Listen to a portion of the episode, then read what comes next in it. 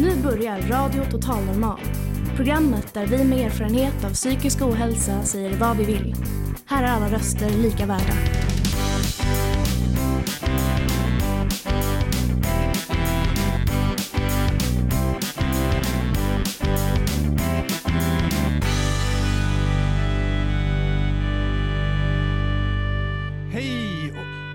Hjärtligt välkomna till Radio Total Normal, ditt psyke i etern. Som vanligt hittar ni oss på 101,1 MHz i Stockholms närradio. Idag sänder vi från matsalen på Fountain House och framför mig har jag en härlig publik! Just nu pågår en vecka fri från våld. Det är en återkommande kampanj och aktivitetsvecka som sätter fokus på det förebyggande arbetet mot mäns och killars våld.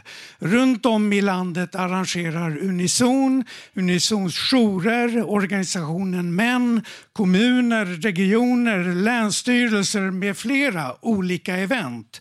Så med anledning av det och för att vi hela tiden hör om det ökande våldet i samhället ska även vi tala om våldet i dagens program. Emil Arvidsson som är aktuell med boken Svensk gangsterrap är en av dagens gäster. Med hjälp av honom undersöker vi om gangsterrappen och det ökade våldet och gängkriminaliteten hänger ihop. Vi gästas även av Patrik Åhlberg som levde med kriminalitet och droger sedan unga år. Men idag är nykter sedan 17 år och arbetar arbetar med att hjälpa andra. Vi har också Avend Hirori som gjort radioteater om hur det är att vara ung i Botkyrka. I slutet av programmet dyker Ola Nilsson upp och berättar om kulturprojektet Knö kultur som liksom knör in kulturen där den får plats. Vi har också kollat med våra vänner på Fanzingo som hjälpt oss att hitta låtar som på olika sätt berör våldet. Hjärtligt välkomna ska ni vara till dagens program och jag som programledare heter Staffan. Om du inte härifrån, härifrån. Klart att jag får paranoia varje gång jag taggar härifrån, härifrån. Ja, det här var Yasin som sjöng Trakten min. Vi ska börja programmet med att prata med Emil Arvidsson som har skrivit boken Svensk gangsterrap. Hur kommer det sig att du skrev den här boken? Ja, eh, det var så att jag, eh, jag har skrivit om eh, musik och svensk hiphop länge, hela mitt liv till och från. Och när den debatt som fortfarande pågår kring den här musiken eh, drog igång på allvar, kan man säga, jag vet inte, fem, sex år sedan, så, mm, så kände jag att det var ganska många som debatterade just de här kopplingarna mellan musiken och den, eh, den liksom ökande gängkriminaliteten, men att det var eh, rätt få som hade koll på musiken egentligen. Så jag, jag ville då skriva en bok som fördjupar mig lite i den här kulturen i musiken, men också, till, också i just de här kopplingarna då mellan musiken och den svenska gängkriminaliteten. Men den här låten vi hörde, den var ju sjungen av Yasin och en gangsterlåt. Kan du förklara för oss som inte är så bevandrade inom genren vad som utmärker dessa låtar till skillnad från annan hiphop? Ja, eh, Yasin är ju fortfarande en av de största artisterna skulle jag säga i den här genren och en av de allra mest eh, talangfulla. Det, där var, det som vi hörde var en av hans tidiga låtar som han slog igenom med. Han var ganska ung då. Nu är han också ganska ung, han är 25, men, men det, här var, det här var nog, jag är inte säker, det var nog ändå sju, åtta år sedan som den här låten kom. Och eh, om man ska kort sammanfatta vad som, vad som utmärker den här genren så är det ju just eh, tematiken. Alltså vad man, eh, vad man rappar om, vad man berättar om i låtarna. Eh, låtarna kan, eh, eh, liksom själva produktionen, alltså de musikaliska låtarna kan, kan skifta ganska mycket. Men det som håller samman den här genren, det är, det är ju vad man berättar om. Alltså man berättar eh, inifrån eh, någon form av liv som är, som är kopplat till den här gängkriminaliteten helt enkelt. Var, var kommer den här vålds och knarkromantiken ifrån? Ja, tycker du att det är vålds och knarkromantik? Lite grann. Ja, jag, förstår det. det. Det hör jag ganska, ganska ofta. Um, och uh, det, det, är ju, det, det, finns ju liksom, det finns ganska många olika åsikter om det här. Vissa tycker, precis som du nämnde här, att det här är ett, ett romantiserande av, uh, av liksom knark, våld, gängkriminalitet och så vidare. Eh, andra menar ju då att om man lyssnar lite djupare på väldigt många av de här artisterna, till exempel Yasin, eh, så hör man ju också ett, eh, berättelser inifrån den här världen som man inte hör Eh, på andra plattformar som man kanske inte hör i medierna, eh, som man kanske inte hör så mycket i samhället i stort. Så att, att, att, de här, att den här musiken fyller en sån, en sån funktion. Men jag ska svara på din fråga också. Var, var kommer den här, det här som man uppfattar som, som romantiken ifrån? Och då skulle jag säga att det här är en del av hiphopkulturen. Ända sedan hiphopkulturen föddes så har den varit kopplad till den här tematiken. Ända sedan 70-80-talet i New York så har, man, så har man pratat om gatuliv, man har pratat om gäng, man har skrutit, man har överdrivit, man har spelat teater, man har försökt bräcka varandra med att vara hårdare, säga roligare, smartare, mer chockande saker. Och, eh, så att jag skulle säga att eh, hiphopen har alltid varit den har alltid levt på att ha den här chockverkan i olika samhällen. Även om det är i USA på 80-talet. Eh, I USA har det varit en otrolig debatt om det här för länge sedan, just om, om, om gangsterrap. Och är inte det på samma sätt nu? I Sverige har vi en sån debatt nu istället. Mm. Men i Sverige har vi också eh, mycket större problem idag, menar ju många, med gängkriminaliteten som den här musiken beskriver.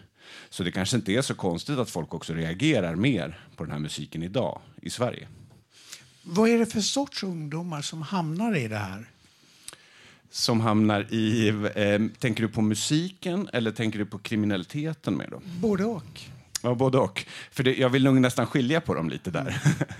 eh, det, det, ju, det, finns ju kopplingar, men det är ju verkligen inte samma sak. Så att, eh, vad, vad, gäller musiken så, så är ju hiphop det är världens största musikform. Världens största musikgenre. Definitivt världens största musikkultur. Så att vad det är för ungdomar som hamnar i hiphop så ska jag säga alla. Från alla samhällsklasser. Eh, även i Sverige ser vi det idag. Just den här musiken som, som ofta berättar om, om mörka teman och som ofta liksom har sin, sin i alla fall tematiska hemvist i förorter och så lyssnas på av, av ungdomar över hela Sverige. Eh, från, från alla samhällsklasser, skulle jag säga. Och om, om du också undrar hur man hamnar i, i gängkriminalitet så är det en, skulle jag säga, en, en, en annan fråga egentligen. Och det, svaret på det är nog eh, ganska mångbottnat. Det är någonting man debatterar väldigt mycket i, i samhället idag. Vad är orsakerna till att man glider in eh, på, på den här vägen? Och de, de som jag pratar med, som lever det här livet nu eller som har gjort det förut. De har alla sina personliga eh, berättelser om hur de hamnar i det. Eh, det finns ju gemensamma nämnare. Det är ju ofta, det är ofta inte en stabil bakgrund man kommer ifrån. Det är ju väldigt mycket som börjar i hemmet, säger många till mig. Det är väldigt många som talar om till exempel fattigdom och så. Andra skulle nog tala om eh, liksom värderingar som man får med sig och inte får med sig. Eh, ja, egentligen hur man har haft det i livet innan. Och såklart också då vad som möter en utifrån. Vad finns det för eh, inom citationstecken möjligheter i det här? Varför, var, varför behöver man gå den här vägen? Och vilka är det som, som lockar en in på den här vägen? Det är ju också faktorer som spelar in såklart. Hur mår de här ungdomarna rent psykiskt? Om vi pratar om gängkriminella ja. ungdomar. Eh, det ska jag säga att det är någonting som man talar alldeles för lite om, just den frågan. Hur, hur mår man som kriminell? För jag har inte intervjuat en enda person som då lever det här livet nu eller, eller har gjort det tidigare som inte pekar på att man har ofta ganska allvarliga problem med just sin psykiska hälsa. Man pratar om att eh, man inte kan sova. Man pratar om symptom som man själv menar är liknande PTSD-symptom. Eh, eh, vad heter det? PTSD heter det. och eh, man, eh, man, man, man, talar om en mängd olika såna här eh, problem som man då skulle kunna tro kanske kommer från det livet man lever. Men man talar också om ehm, en problematik som man haft med sig eh, sen långt innan. Man talar om eh, odiagnostiserade problem. Som, och det, det, finns också forskning som visar att eh, till exempel förekomsten av ADHD på, eh, på Sveriges anstalter är, är väldigt hög jämfört med befolkningen i övrigt. Så att det, här är en, det här är en jättestor och viktig fråga att eh, prata mer om. tycker jag. Och om man då ska komma in på musiken så vill jag också säga att även då många rappare som skildrar det här livet, de försöker också prata om de här frågorna. De försöker alltså inte bara prata om eh, det här romantiserandet som vissa ser det som, eller skrytandet, utan det är, det är väldigt mycket berättande om just de här frågorna som man kanske kan anta är lite mer känsligt att berätta om, speciellt i en hiphop-kontext där, man ju, där, där mycket handlar om att skryta och liksom göra sig störst och bäst. Där. Så eh, det tycker jag är en, en intressant del av berättandet i den svenska hiphopen just nu. Att det här, det här kommer fram därigenom och det kommer inte fram lika ofta i medierna. Finns det något samband mellan eh, den, den här rappen och våldet som vi ser i samhället? Ja, jag skulle säga att sambandet främst är ju att, att här, här berättas det ganska mycket om det här våldet. Jag, jag träffar ganska många eh, lite äldre rappare som jag kanske intervjuade för 15-20 år sedan. När jag, när jag träffade dem idag. Jag träffade en kille senast när jag var på en sån här föreläsning för några veckor sedan som var, var där och lyssnade bara. Och han, sa, han kom fram till mig efteråt och så sa han, ja det här är ju så typiskt, vi sa ju det här för 15 år sedan. Vi berättade om det här. Vi berättade om den här problematiken, vi, men det var ingen som gjorde någonting. Vi berättade om att det, det, det, fanns den här utsattheten. Vi berättade om att den här kriminaliteten höll på att byggas upp. Vi berättade om de, de här barnen som, eh, som mådde dåligt, som levde delvis på gatan. Och titta vart de är nu. Nu, nu, har det här, nu har det här utvecklats till det vi sa.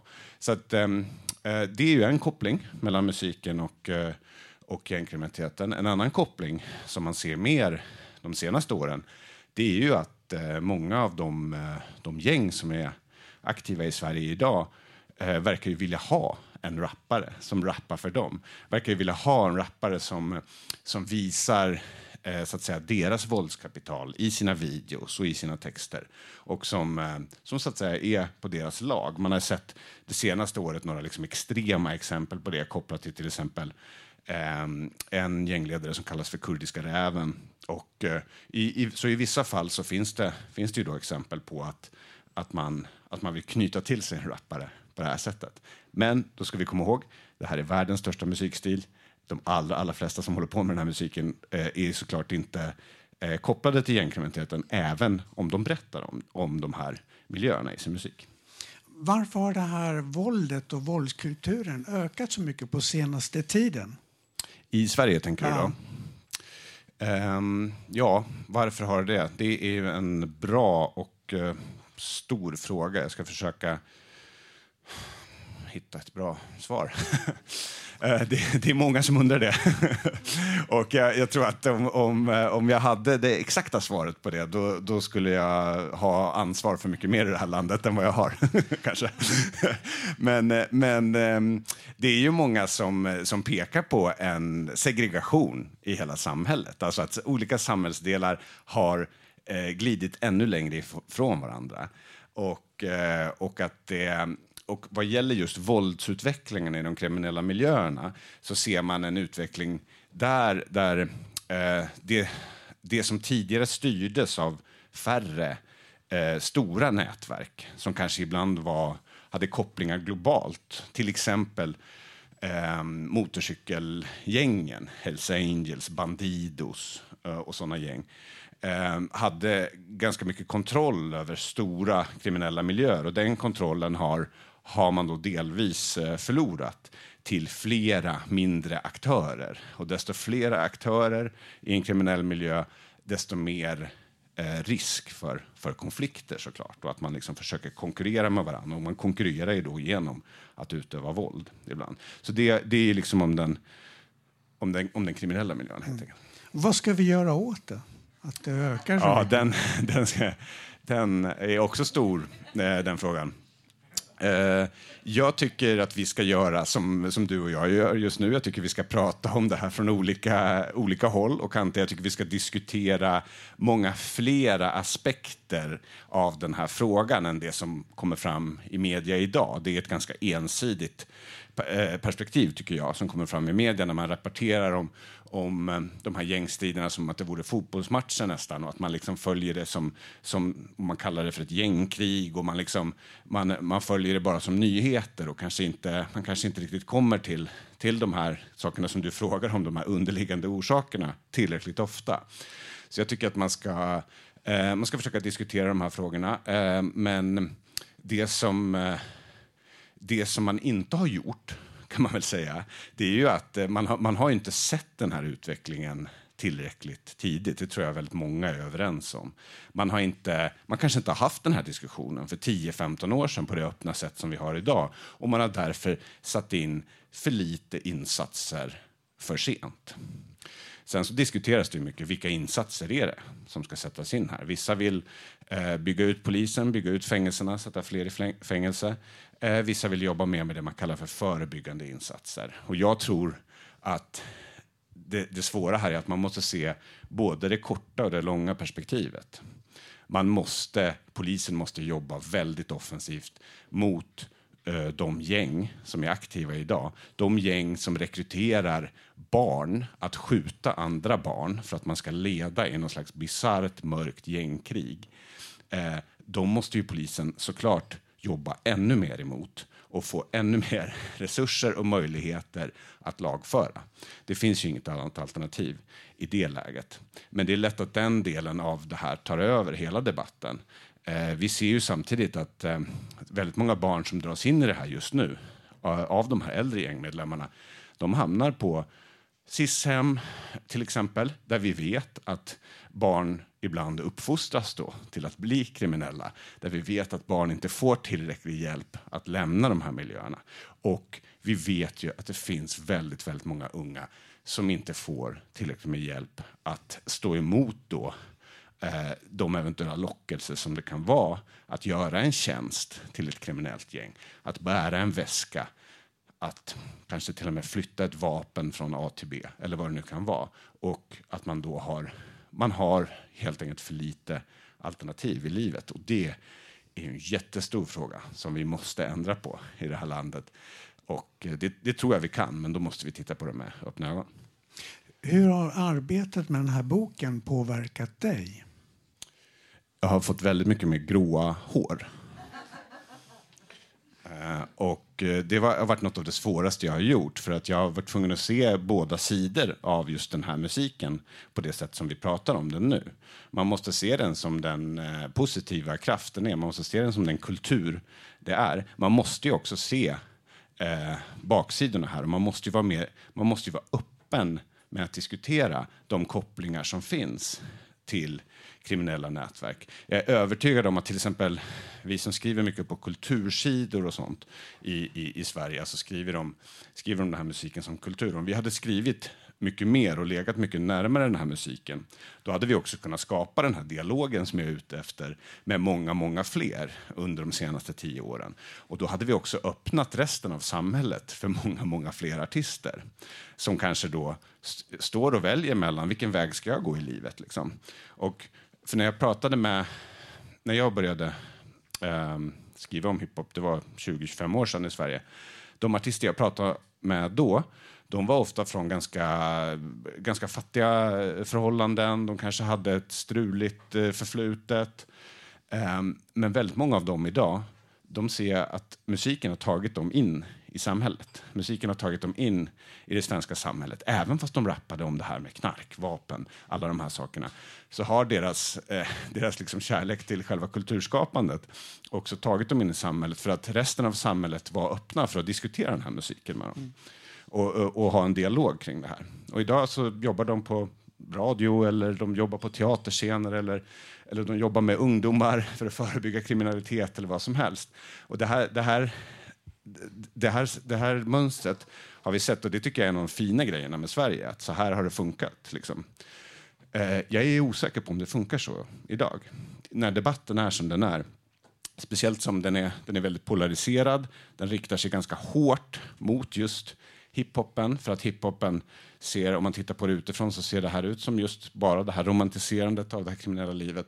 Och då ser vi några av Sveriges största artister som har liksom tusentals, hundratusentals unga fans i Sverige. Vi ser hur de hamnar vid sidan av samhället mer och mer, desto mer musik de gör. Det är ett problem och det tror jag vi måste vända. Och sen slutligen, eh, var kan man få tag i din bok? Du, den kan man få tag i eh, lite överallt. Den finns på olika nätbokhandlar. Jag ska inte favorisera någon av dem.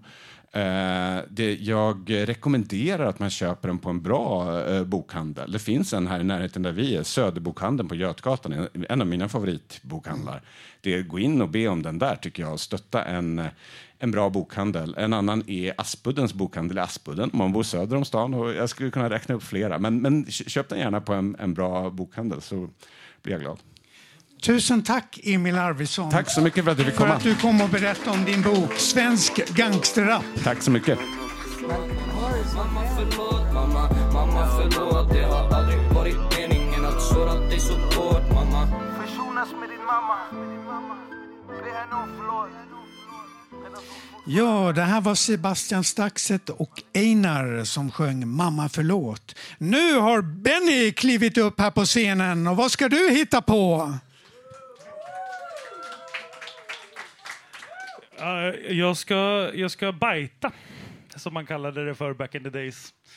Alltså jag har snott ett uh, beat från Eminem. Eh, och jag har lagt, uh, klippt ihop lite olika gamla grejer och skrivit lite nytt på det. Så, så jag tänkte köra lite rap. Varsågod. Tack.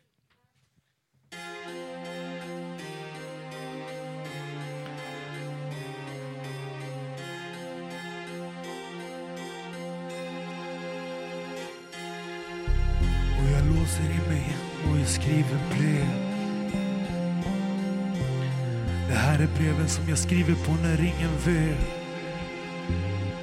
Det har varit ruggigt nära att jag inte suttit här Önskar att jag sluppit bära undan det som funnits i min väg. Önskar att jag kunde se det här när jag sjunkit under färden. Jag var kaos och undernärd men tror att det finns under här ja. Man kan bli galen och mindre. Välkommen in, det blir en dag i mitt inre. Känner ibland att jag är svag i mitt sinne för att jag aldrig hinner. Jo, tystnad, tagning.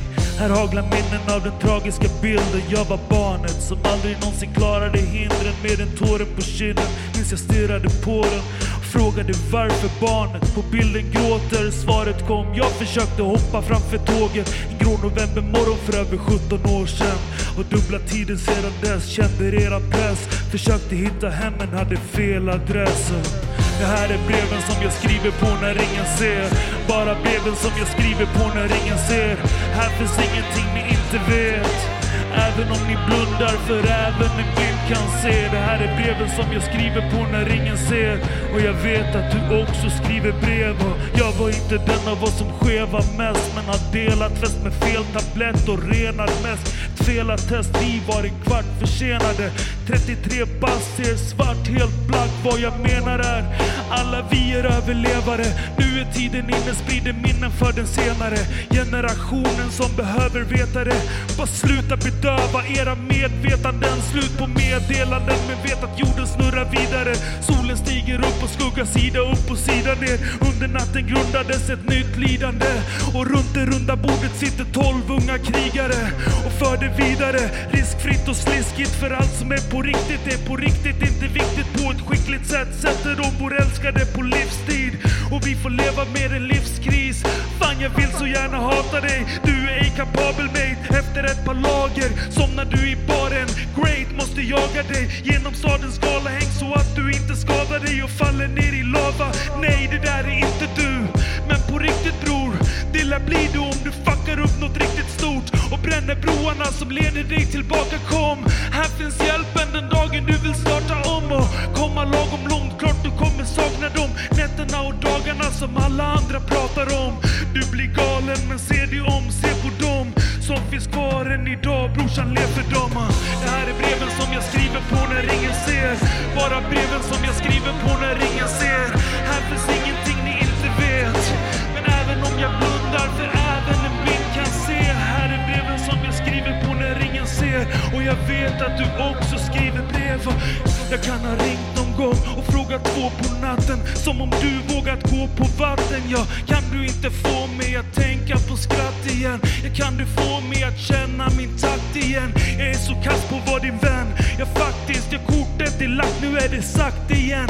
Fan, igen. Taggar ut, tjackar tjack i natten Borde tagit mig tillbaka till chatten. Tjafset i min skalle, det måste få ta rast igen. Har fått arbete som vakt ikväll. Nu slut på semester. Min tur att få gäster. Min sjukdom brukade sluta i fester. Här är min förbannelse. Var ligger sanningen? Var det handlingen du gjorde efter chansningen i fjol? Eller vandringen som strandade och landade i god tro?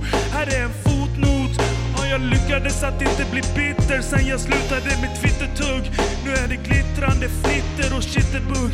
Ja, min shit är tung Och var jag än sitter är mitt kvitter guld Men detta får du aldrig veta för du slutade att leta, du sitter där och kelar Stirrar in i rutan och kelar med troll som kan spegla dig. Ja, vad fan vill du veta? Det här är breven som jag skriver på när ingen ser. Bara breven som jag skriver på och ingen vet. Här finns ingenting du inte ser. Även när du blundar, för även en blind kan se? Det här är breven som jag skriver på när ingen vet. Det här är breven som jag skriver på när ingen vet. Det här är breven som jag skriver på när ingen vet. Här är breven som jag skriver på när ingen vet. Här finns ingenting du inte ser. Även om du blundar, för även en blind kan se. Det här är breven som jag skriver på när ingen vet. Det här är breven som jag skriver på när ingen vet.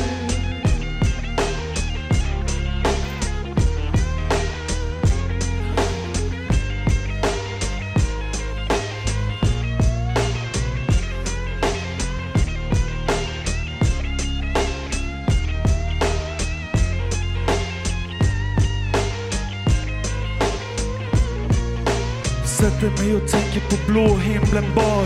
Fuck vad det som händer men jag får inget svar. Önskar att jag kunde skratta åt målande minnen Men mitt sårade sinne är den rådande bilden jag vill åt dig. Men jag måste låta dig försvinna. Du gråter i timmar, du är åter i dimman. Och jag går härifrån och låter dig vinna. Det bara bara väl som jag skriver på när ingen ser.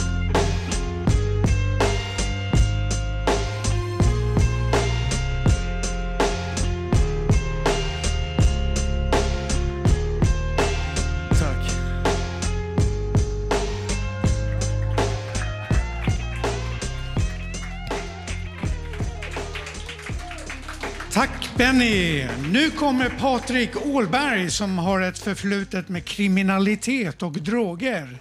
Idag är han nykter och jobbar med att hjälpa andra. Min kollega Ulla-Britt ska intervjua honom.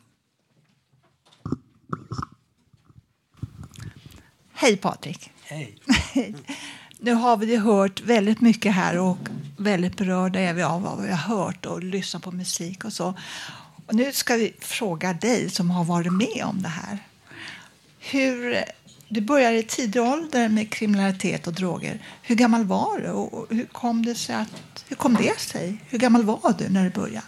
Ja, jag var väl eh, runt eh, 13 år där eh, som eh, det sket sig hemma med eh, familjen och sådär. Eh, jag var tvungen att växa upp och bli eh, klara mig själv helt enkelt. Och eh, då sökte jag mig till, eh, det vart eh, att jag sökte mig till busarna liksom. Och busarna. där kände jag mig hemma. Mm. Mm. Eh, hur känns det att vara i allt det här rent psykiskt? Vi har ju hört lite grann nu ikväll, idag, men hur kändes det för dig? Jo, det stämmer. Det, det, det tär ju på psyket, men eh, det är ingenting man tänker på. Eller jag tänkte inte på det i alla fall, utan jag... Eh, jag körde på liksom. Utan, eh, det fanns inget stopp, utan man körde på utan att känna efter och tryckte undan rädslan, tryckte undan alla känslor genom att vara tuff och vara hård liksom och sådär.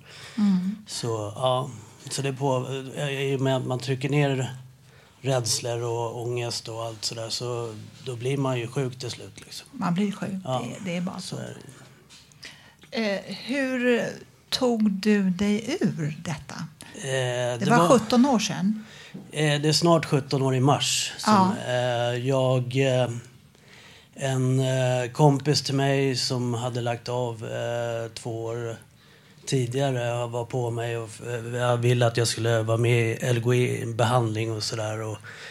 Jag kände väl liksom, äh, fan det är inget för mig sådär liksom. Men eh, konsekvenserna bara växte och växte och det vart mer problem och eh, ja, polisen var efter mig och det var, ja, det var allmänt kaos. Och då sa han, ta en behandling liksom. Och det gjorde jag. Eller jag gick dit och så, så övertalade han mig att jag skulle ta en behandling. Det var en kompis det måste jag säga. Ja, vad skulle jag säga? Var, var det ett tolvstegsprogram då? Tolvstegsprogrammet, ja precis. Och, eh, uh, det handlar ju om att gå på möten. Och, uh, uh, när jag kom på mitt första möte så kände jag ett hopp för första gången. att Jag hade försökt så många gånger själv att rycka mig i kragen liksom och försöka vara drogfri och försökte skaffa mig ett jobb och sådär. Men jag, jag kände mig aldrig hemma där utan jag, jag eh, kände mig hemma bland eh, de kriminella för där var vi ungefär samma allihopa liksom. Och,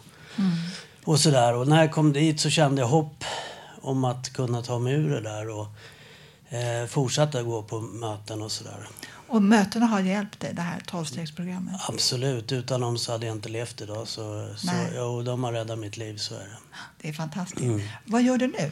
Eh, jag jobbar på ett eh, hälsocenter eh, för substansberoende då, som använder ja, folk som har, försöker hålla sig drogfria. Som inte går på möten eller som går på möten också men ja, försöker hitta någon, eh, någon, eh, någon, någon sysselsättning och få någon eh, rutiner och sådär. Många kommer ju dit och tränar på morgonen eh, och ja, får lite massage och lite sådär. Får rutiner helt enkelt. Vad, vad tycker du om samhällsutvecklingen idag? Med krim- kriminalitet och våld som breder ut sig och kryper längre ner i åldern. Vad, vad, har du för, vad tänker du om det? Ja, det är, det är ju en tråkig utveckling och eh, det jag tänker liksom mycket det är ju att man behöver göra någonting redan i unga åldrar liksom och se. Eh, jag skulle gärna vilja haft, ja, man var ju bara en buse liksom. Att det var någon som skulle se en redan då och liksom ta tag i en i tid och liksom, eh, för, ja, liksom att det finns, idag är, är man är man en bus eller inte kan sitta still och inte kan lära sig, då blir man... eh, Ja, det, då, där, det där har vi ju hört länge. jo, ja, men det är så. Alltså. Det är så, ja, Ja. men ändå syns ni inte. Ändå tar man inte tag i er. I, Det är väl ingen som... Det kostar för mycket pengar tror jag också att, uh, ha, eh, att lägga pengar på dem sådär. Så, men i slutändan så skulle det löna sig tror jag. Absolut. Ja. absolut. Eh, vad skulle du säga till ungdomar som är på väg in i kriminalitet? Vad skulle du säga till Eh, dem?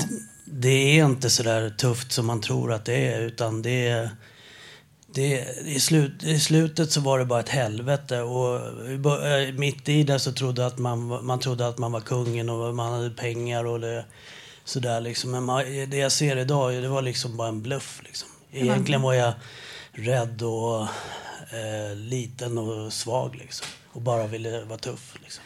Men vad härligt att kunna se det hos sig själv, att man är en mjukis igen. Ja, så är det. Ja. För så känner jag dig, som en Ja, riktig mjukis. jo, men jag är mjukis idag. Ja, det är underbart. Ja. eh, vi, vi skulle kunna prata mycket mer och jag tror att... Eh, ja, och du vill tillägga någonting? Eh, nej, jag tycker han som var innan här och berättade, f- berättade mycket bra och liksom... Eh, ja, nej men eh, kärlek till alla som eh, är på väg och eh, in i någon kriminalitet och skit i det. Välj den andra vägen. Det är väl allt jag kan säga liksom. Ja, och att man lär känna sig själv, att man har... Man är ju inte så där tuff. Man är, man är ju en mjuk, underbar människa Ja. egentligen. Ja. Tackar så hemskt mycket. Tack själv.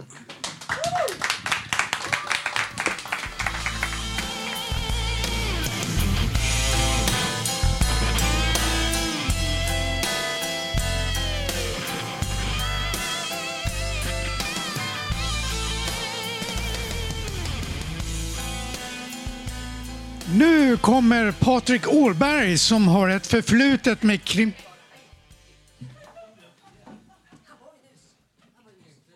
Ja, just nu ska ni få höra en radioteater om hur det är att vara ung och uppvuxen i Botkyrka. Den heter Bristande regn och Aven Hirori har gjort den.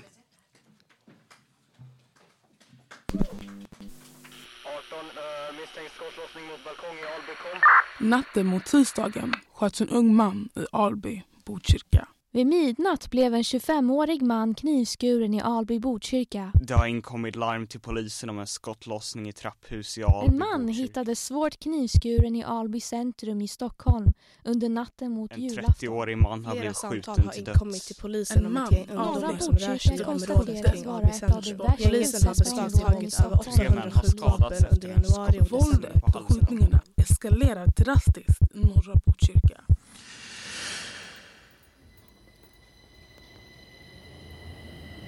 Hjärtat dunkar som tunnelbanans hjul som slår mot järnet. Adrenalinet pumpar som en luftpump och varenda muskel spänns hårdare än ett rep. Stressen ökar paniken. Oavsett om man är ett vittne, offer, skyldig eller oskyldig. Känslan är omänsklig och obeskrivlig. Vad har hänt? Hur har det hänt? Varför har det hänt? Känner jag den som har träffats och skadats av människans egna destruktiva verk? Det verket som spottar ut ens möjliga död i befallning av sin nuvarande ägare.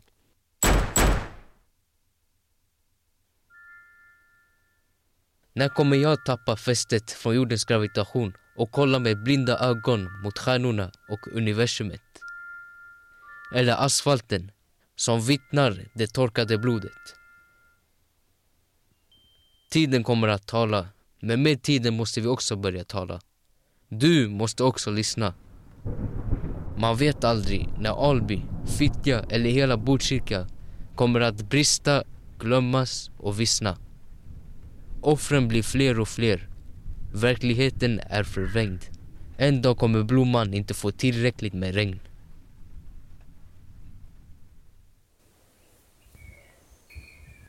Jag la mitt huvud på barnemattan. Natten var full med spiritualitet. Innan tänkte jag på en nyhet jag hade sett för några månader sedan på TV.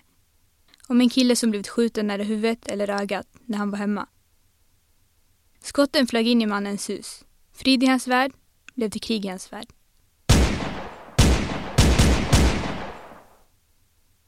Ljudet fick mig att må illa och verkligheten försvann ur mitt sikte. Det var midnatt, stjärnorna och lamporna var inte de enda som sköt ifrån sig ljus. Pistolen sköt ifrån sig ljud med döden skrivet på den. Skrivet av människan själv. Förvirrade och rädda människor. Fåglar som flög iväg. Helikopterns propeller. Jag visste direkt att någon hade dött. Nyheterna bevisade att jag hade rätt. En till ung själ som blivit borttagen på grund av människans grymheter. Oskyldig eller skyldig, ren eller smutsig. Pistolen är skapad för att döda. Men hjärnan är gjord för att tänka och hjärtat är gjord för att känna. Skott efter skott. Mord efter mord. Ni som bor i Botkyrka, öppna era ögon. Varför lägger vi våra svaga och sönderfallande tillit på dem med högre makt när det är vi i botten av hela spelet som borde lyfta upp varandra? Det här är inte en lek. Det här är verklighet. Vakna upp från era illusioner. Det finns ingen rättvisa förrän vi lär oss behandla varandra som människor.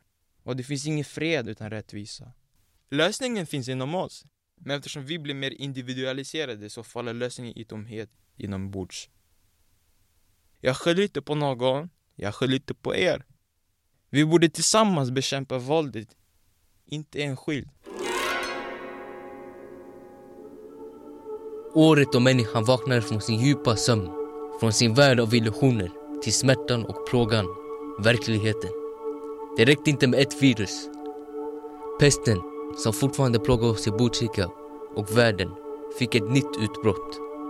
De genomträngande grova skotten förstörde familjer, splittrade Botkyrkas struktur och fick folk att gå i limbo. 2020. 366 skjutningar. 47 avlidna och 117 skadade. Bara i Stockholms län. Medeltalet var 30,5 skottlossningar per månad.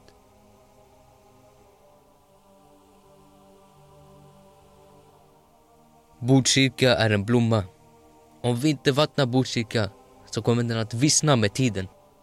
Men om den får tillräckligt med vatten så kommer Botkyrka att blomstra. Tårarna från närstående av ett offer av gatuvåldet rinner ner deras kinder som bristande regn. Ögonen stirrar mot stjärnorna och bortom galaxens gränser. Det måste finnas en större mening med livet. Skriken når ut till de djupaste gränderna i Botkyrka. Påminnelsen sprids som löpeld. Det är dags att ge din blomma lite vatten. Men den här gången, för alltid. Använd hjärnan. Döda med hjärtat. Men inte med pistolen. Du har lyssnat på Bristande regn av mig, Aven Tiruri. Röstskådespelare var Oluchi Anuchiam, Alexander Bojic, Sara Al-Musawi, Samuel Siltama, Irene Rahman, Amgalan Guntupov och Sara Rad. Produktionen har gjorts i samarbete med mediehuset Fanzingo med handledning av Sara Wall och Sara Rad och med stöd av Botkyrka kommun. On s'est connu à Édimbourg par hasard.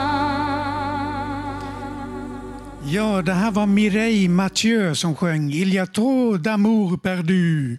Vid min sida här på scenen har jag nu Avend Hirori som ska intervjuas av min kollega Elinor.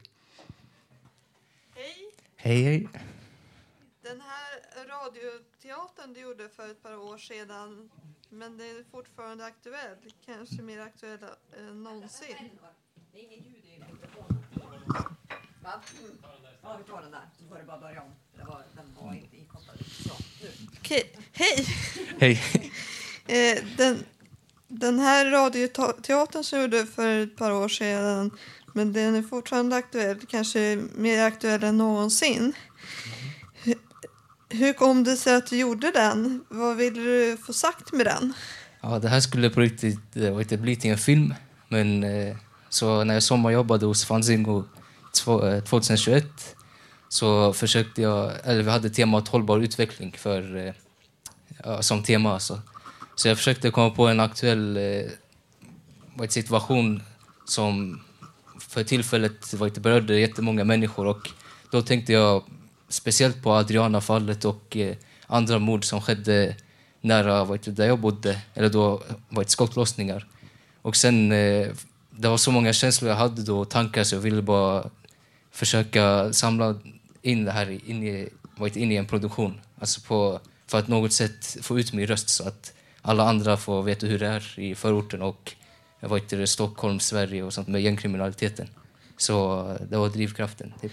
Du ville att din eh, röst skulle nå ut. Ja, exakt. Inte bara min röst, som jag sa i en tidigare intervju också, andras röster. De som har Ja. det, tappat sitt liv på grund av det här. Okej. Jag är uppvuxen och bor här på Söder. Jag märker inte så mycket av våldet här, men hör mycket om det på nyheterna. Hur är det att växa upp och bo i orten? Alltså, det är inte så det, obehagligt liksom, som man tror. Till exempel skjutningar och gängkriminaliteten, det började ta fart väldigt snabbt när jag var 12-13 år.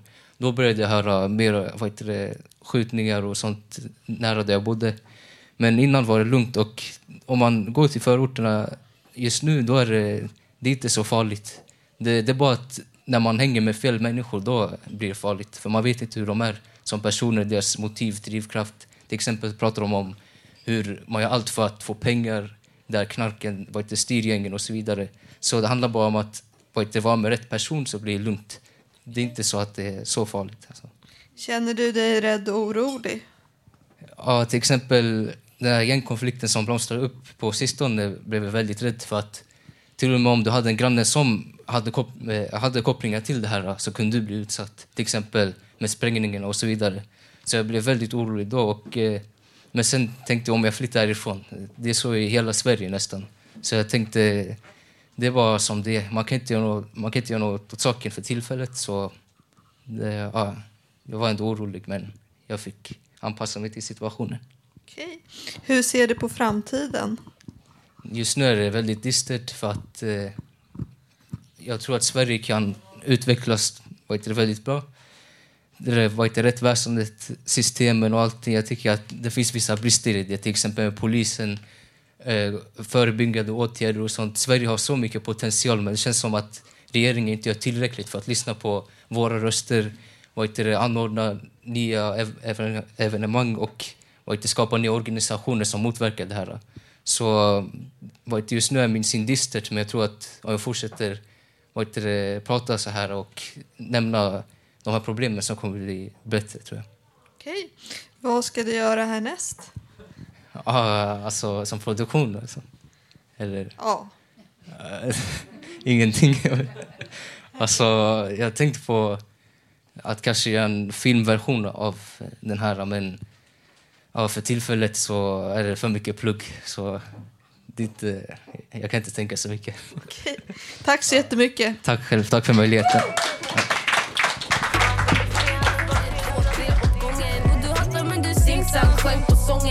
spelat det som Fifa, handkontrollen.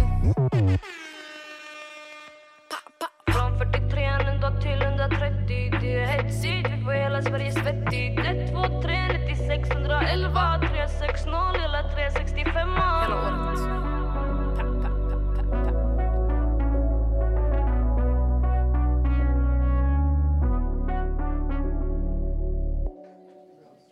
Ja, det här var Lina Gelassi som sjöng Mitt i prick. Och nu har jag Kajsa här på scenen och hon ska sjunga en, hon ska läsa en dikt. Det här är en dikt av en okänd som jag hittat på nätet. Den går så här. Kasta en tallrik i golvet. Okej. Kasta... Gick den sönder? Ja. Säg förlåt till tallriken. Förlåt. Blir tallriken hel? Nej. Förstår du? Ja.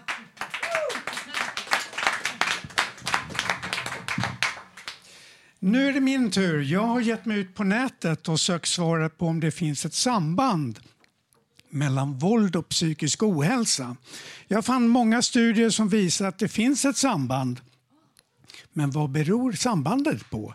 Två svenska studier från bland annat Karolinska institutet sticker ut. Den första studien från 2009 tittade på sambandet mellan våldsbrott och schizofreni. Den visar att schizofreni marginellt ökar risken för våldsbrott. Hos schizofrena var 13 procent dömda för våldsbrott jämfört med 5 procent av normalbefolkningen. Men skillnaden kan till största del förklaras med samtidigt missbruk av alkohol eller narkotika. Hos schizofrena personer med missbruk hade 28 procent dömts för våldsbrott jämfört med 8 procent för schizofrena utan missbruk. Och som ett sidospår visade studien även att våldsbrott påverkas av genetiska faktorer och uppväxtförhållande. Det kunde man se genom att friska syskon till schizofrena med missbruk hade 18 procent dömts för våldsbrott. Den andra studien från 2010 studerade sambandet mellan bipolär sjukdom och våldsbrott.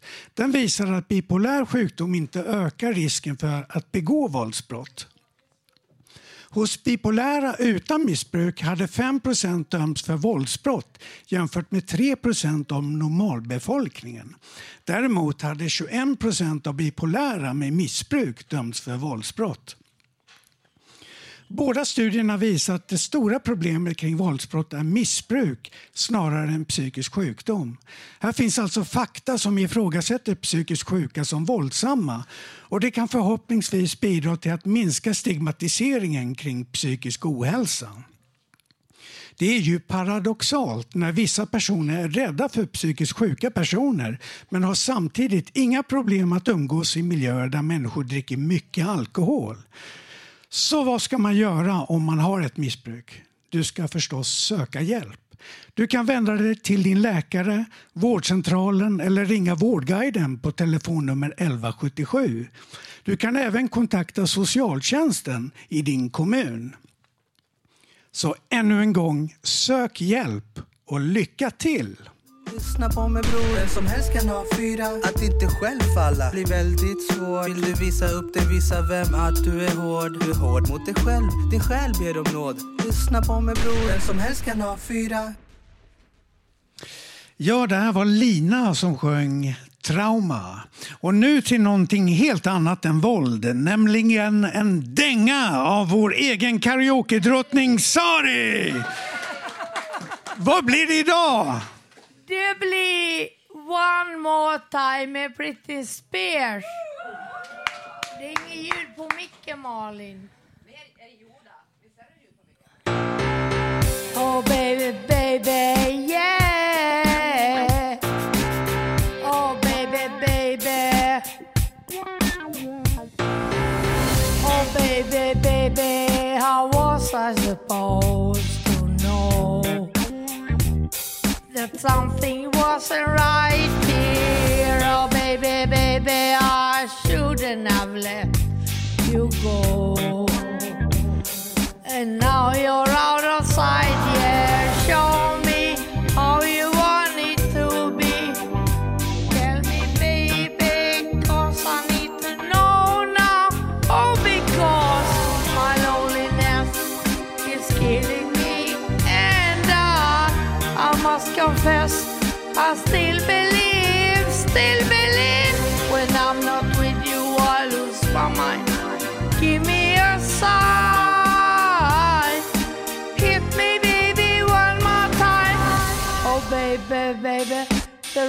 reason I breathe you.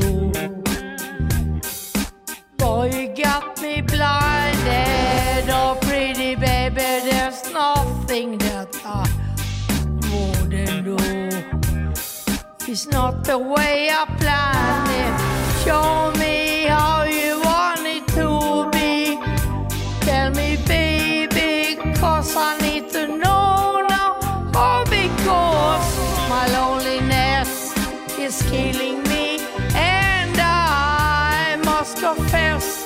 I still believe, still believe. When I'm not with you, I lose my mind. Give me a sign. Hit me, baby, one more time. Yeah.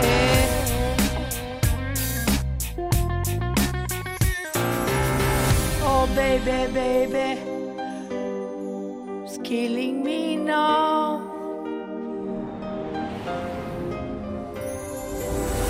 Oh, pretty baby, I shouldn't have let you go.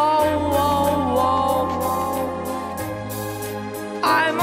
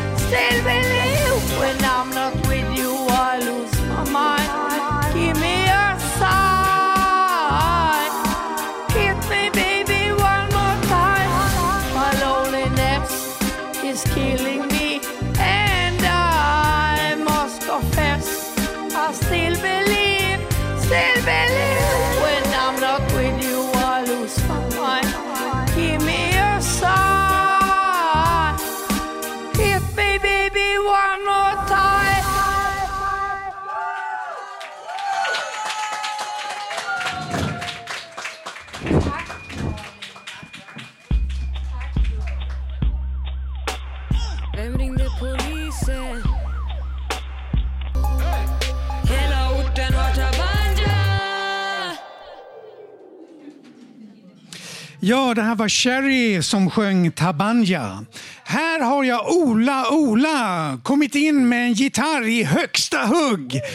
Du ska berätta om ett kulturprojekt som du nyligen startat tillsammans med din fru Matilda Kestel. Och jag lämnar över till min kollega Malin som har lite frågor att ställa. Hej Ola. Hej. Hej. Ja, jag har hört att du har startat en ny kultur... Är det inte förening kanske man inte ska säga? En kultur... Organisation, Ja. plattform, kulturcenter, tror jag vi kallade det sist vi pratade vid köksbordet. Ja, Mm. och den heter KNÖ, kultur. Ett väldigt eh, ovanligt namn. Knökultur. ja, vi eh, har jobbat mycket med ett, ett varumärke. Knö, det är skönt att säga knö. Vad Kn- betyder det? Ja, det är ju ett dialektalt Västsverige framförallt. Så här, knö in den. Knö, alltså man har en väska och ska få in den i bagageutrymmet på en bil och det inte riktigt är plats så knör man in den. Liksom. Och det är det vi tänker att vi knör in kulturen även när den inte, folk inte tror den får plats. Men om man knör så går det. Och vad, varför startade det här? Vad är tanken bakom? Eh, ja, men det är just att eh, vi, det måste finnas mycket kultur i världen. Inte minst just nu när det, det kändes lite som att det var- är på väg åt andra hållet, att k- kulturen är på väg ut. Så vi tänkte att vi måste få in den. Och eh, jag har hållit på med musik och event och Matilda är konstnär, främst inom glas. Men hon, eh, så tänkte vi, man kan väl s- trycka ihop olika, knö ihop olika uttrycksformer. Eh, konst och musik och scen liksom. Så vi, ja, så blev det. Det låter jättebra. Och då har ni ett evenemang som är ert första som ska vara nästa onsdag. Vill du berätta om det? Ja, men precis. Vi hade en först, första planen var att vi skulle starta först på Gotland och sen skulle vi fortsätta ha lite i Stockholm emellanåt. Och det tog ju en evändlig tid att försöka få till något på Gotland så vi, vi hade inte tå- tålamod, är något vi saknar. Så vi satte upp ett kick-off-ar i Stockholm den eh, 29 november, nästa vecka. Herregud, nästa vecka ja. Och vad händer då?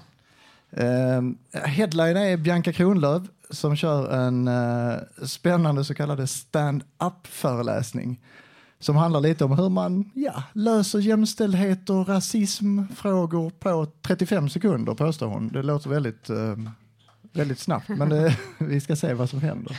Och sen är det då också konstutställning och lite andra scenakter på samma kväll på eh, Hus 7, slakthus, slakt, bredvid Slaktkyrkan eh, här söder om stan. Mm. Ja, spännande. Kul. Ja, jag har hört också att du ska stå på scen där en Ja, liten ja. sväng. Men det kanske man... Ja. Nämligen. Ja, jo, precis. Men det känns så fult här att stå. Ja, ja, precis, och jag och jag också ska vara med där. Ja, ja. Knöa in lite re- reklam om mig själv här när vi liksom knöar på. Så, att det, ja, så att det, det kan man komma och kolla på om man vill. Ja, Och temat är ju då eh, Ja, generellt just det, för hela kvällen är jämställdhet och eh, antirasism. vad, det Eh, het, vad heter eventet? Det heter eh, Vi måste bli eh, jämställda och orasistiska innan vi dör. Inom parentes, för annars vore det väldigt pinsamt. Woo! Bra, bra titel. Ja, men då, du ska ju vara med själv också och, och sjunga lite där. Jag ska spela några låtar, några, eh, några just antirasist, uttalat antirasistlåtar och någon annan låt. Eh, så jag tänkte väl eh, smyga in ett, knö in ett eh, smakprov här. Ja, det var det. Det, det får du. Du, Ja. du får knöa in här. Knöa, knöa på. Vad, vill du, du vill inte tillägga någonting, utan du, nu, kör du, nu kör du låten, helt enkelt. I, ja. Eller ska Jag- det knöas in något? Jag kan knö in vad den heter. Ja, gör det. Eh, Den heter eh, Ikväll är jag anarkist.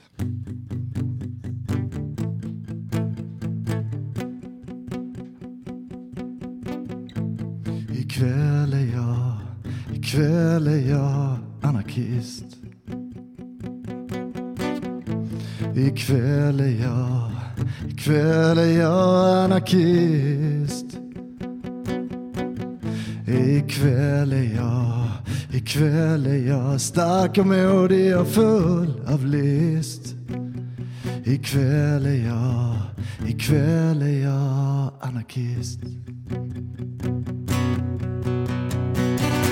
Det var som att han stod i vägen när vi skulle kliva på. Det var något med några papper som vi minsann skulle förstå. Oh, att jag kunde alla tiderna i huvudet. Berlin, Prag, Budapest och Trelleborg. Varenda minut, varenda blank perrong. Ja, det spelar inte alls någon roll. Ikväll är jag, ikväll är jag anarkist. Ikväll är jag, ikväll är jag anarkist. Ikväll är jag, ikväll är jag stark och modig och full av list. Ikväll är jag, ikväll är jag anarkist. Det var tillbaks till när jag var elva. En segling till Berlin. Ja, en annan lika artig kille som inte heller fick komma in. Oh, oh, en lapp kastad från en färja. Redan det är mycket mer än man fick. Och, och de försökte stoppa våra drömmar. Ja, de försökte allt som gick. Ikväll är jag, ikväll är anarkist. Ikväll är jag, ikväll är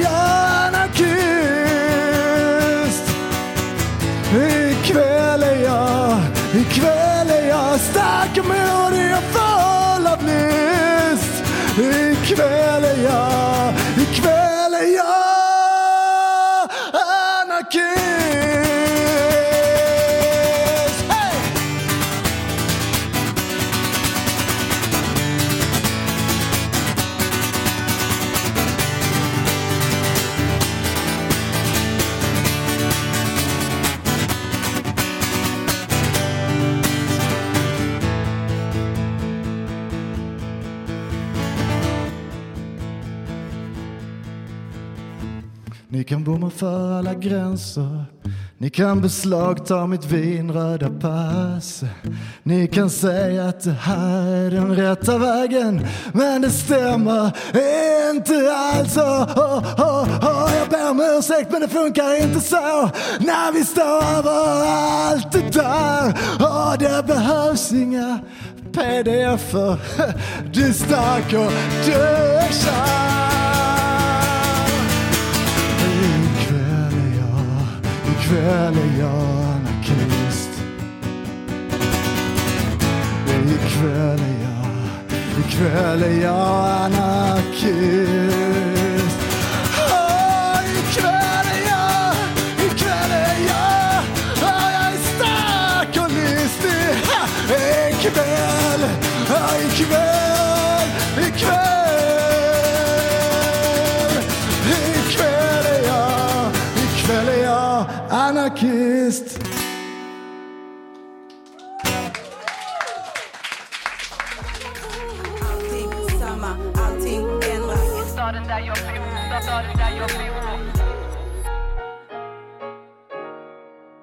I staden där jag bor.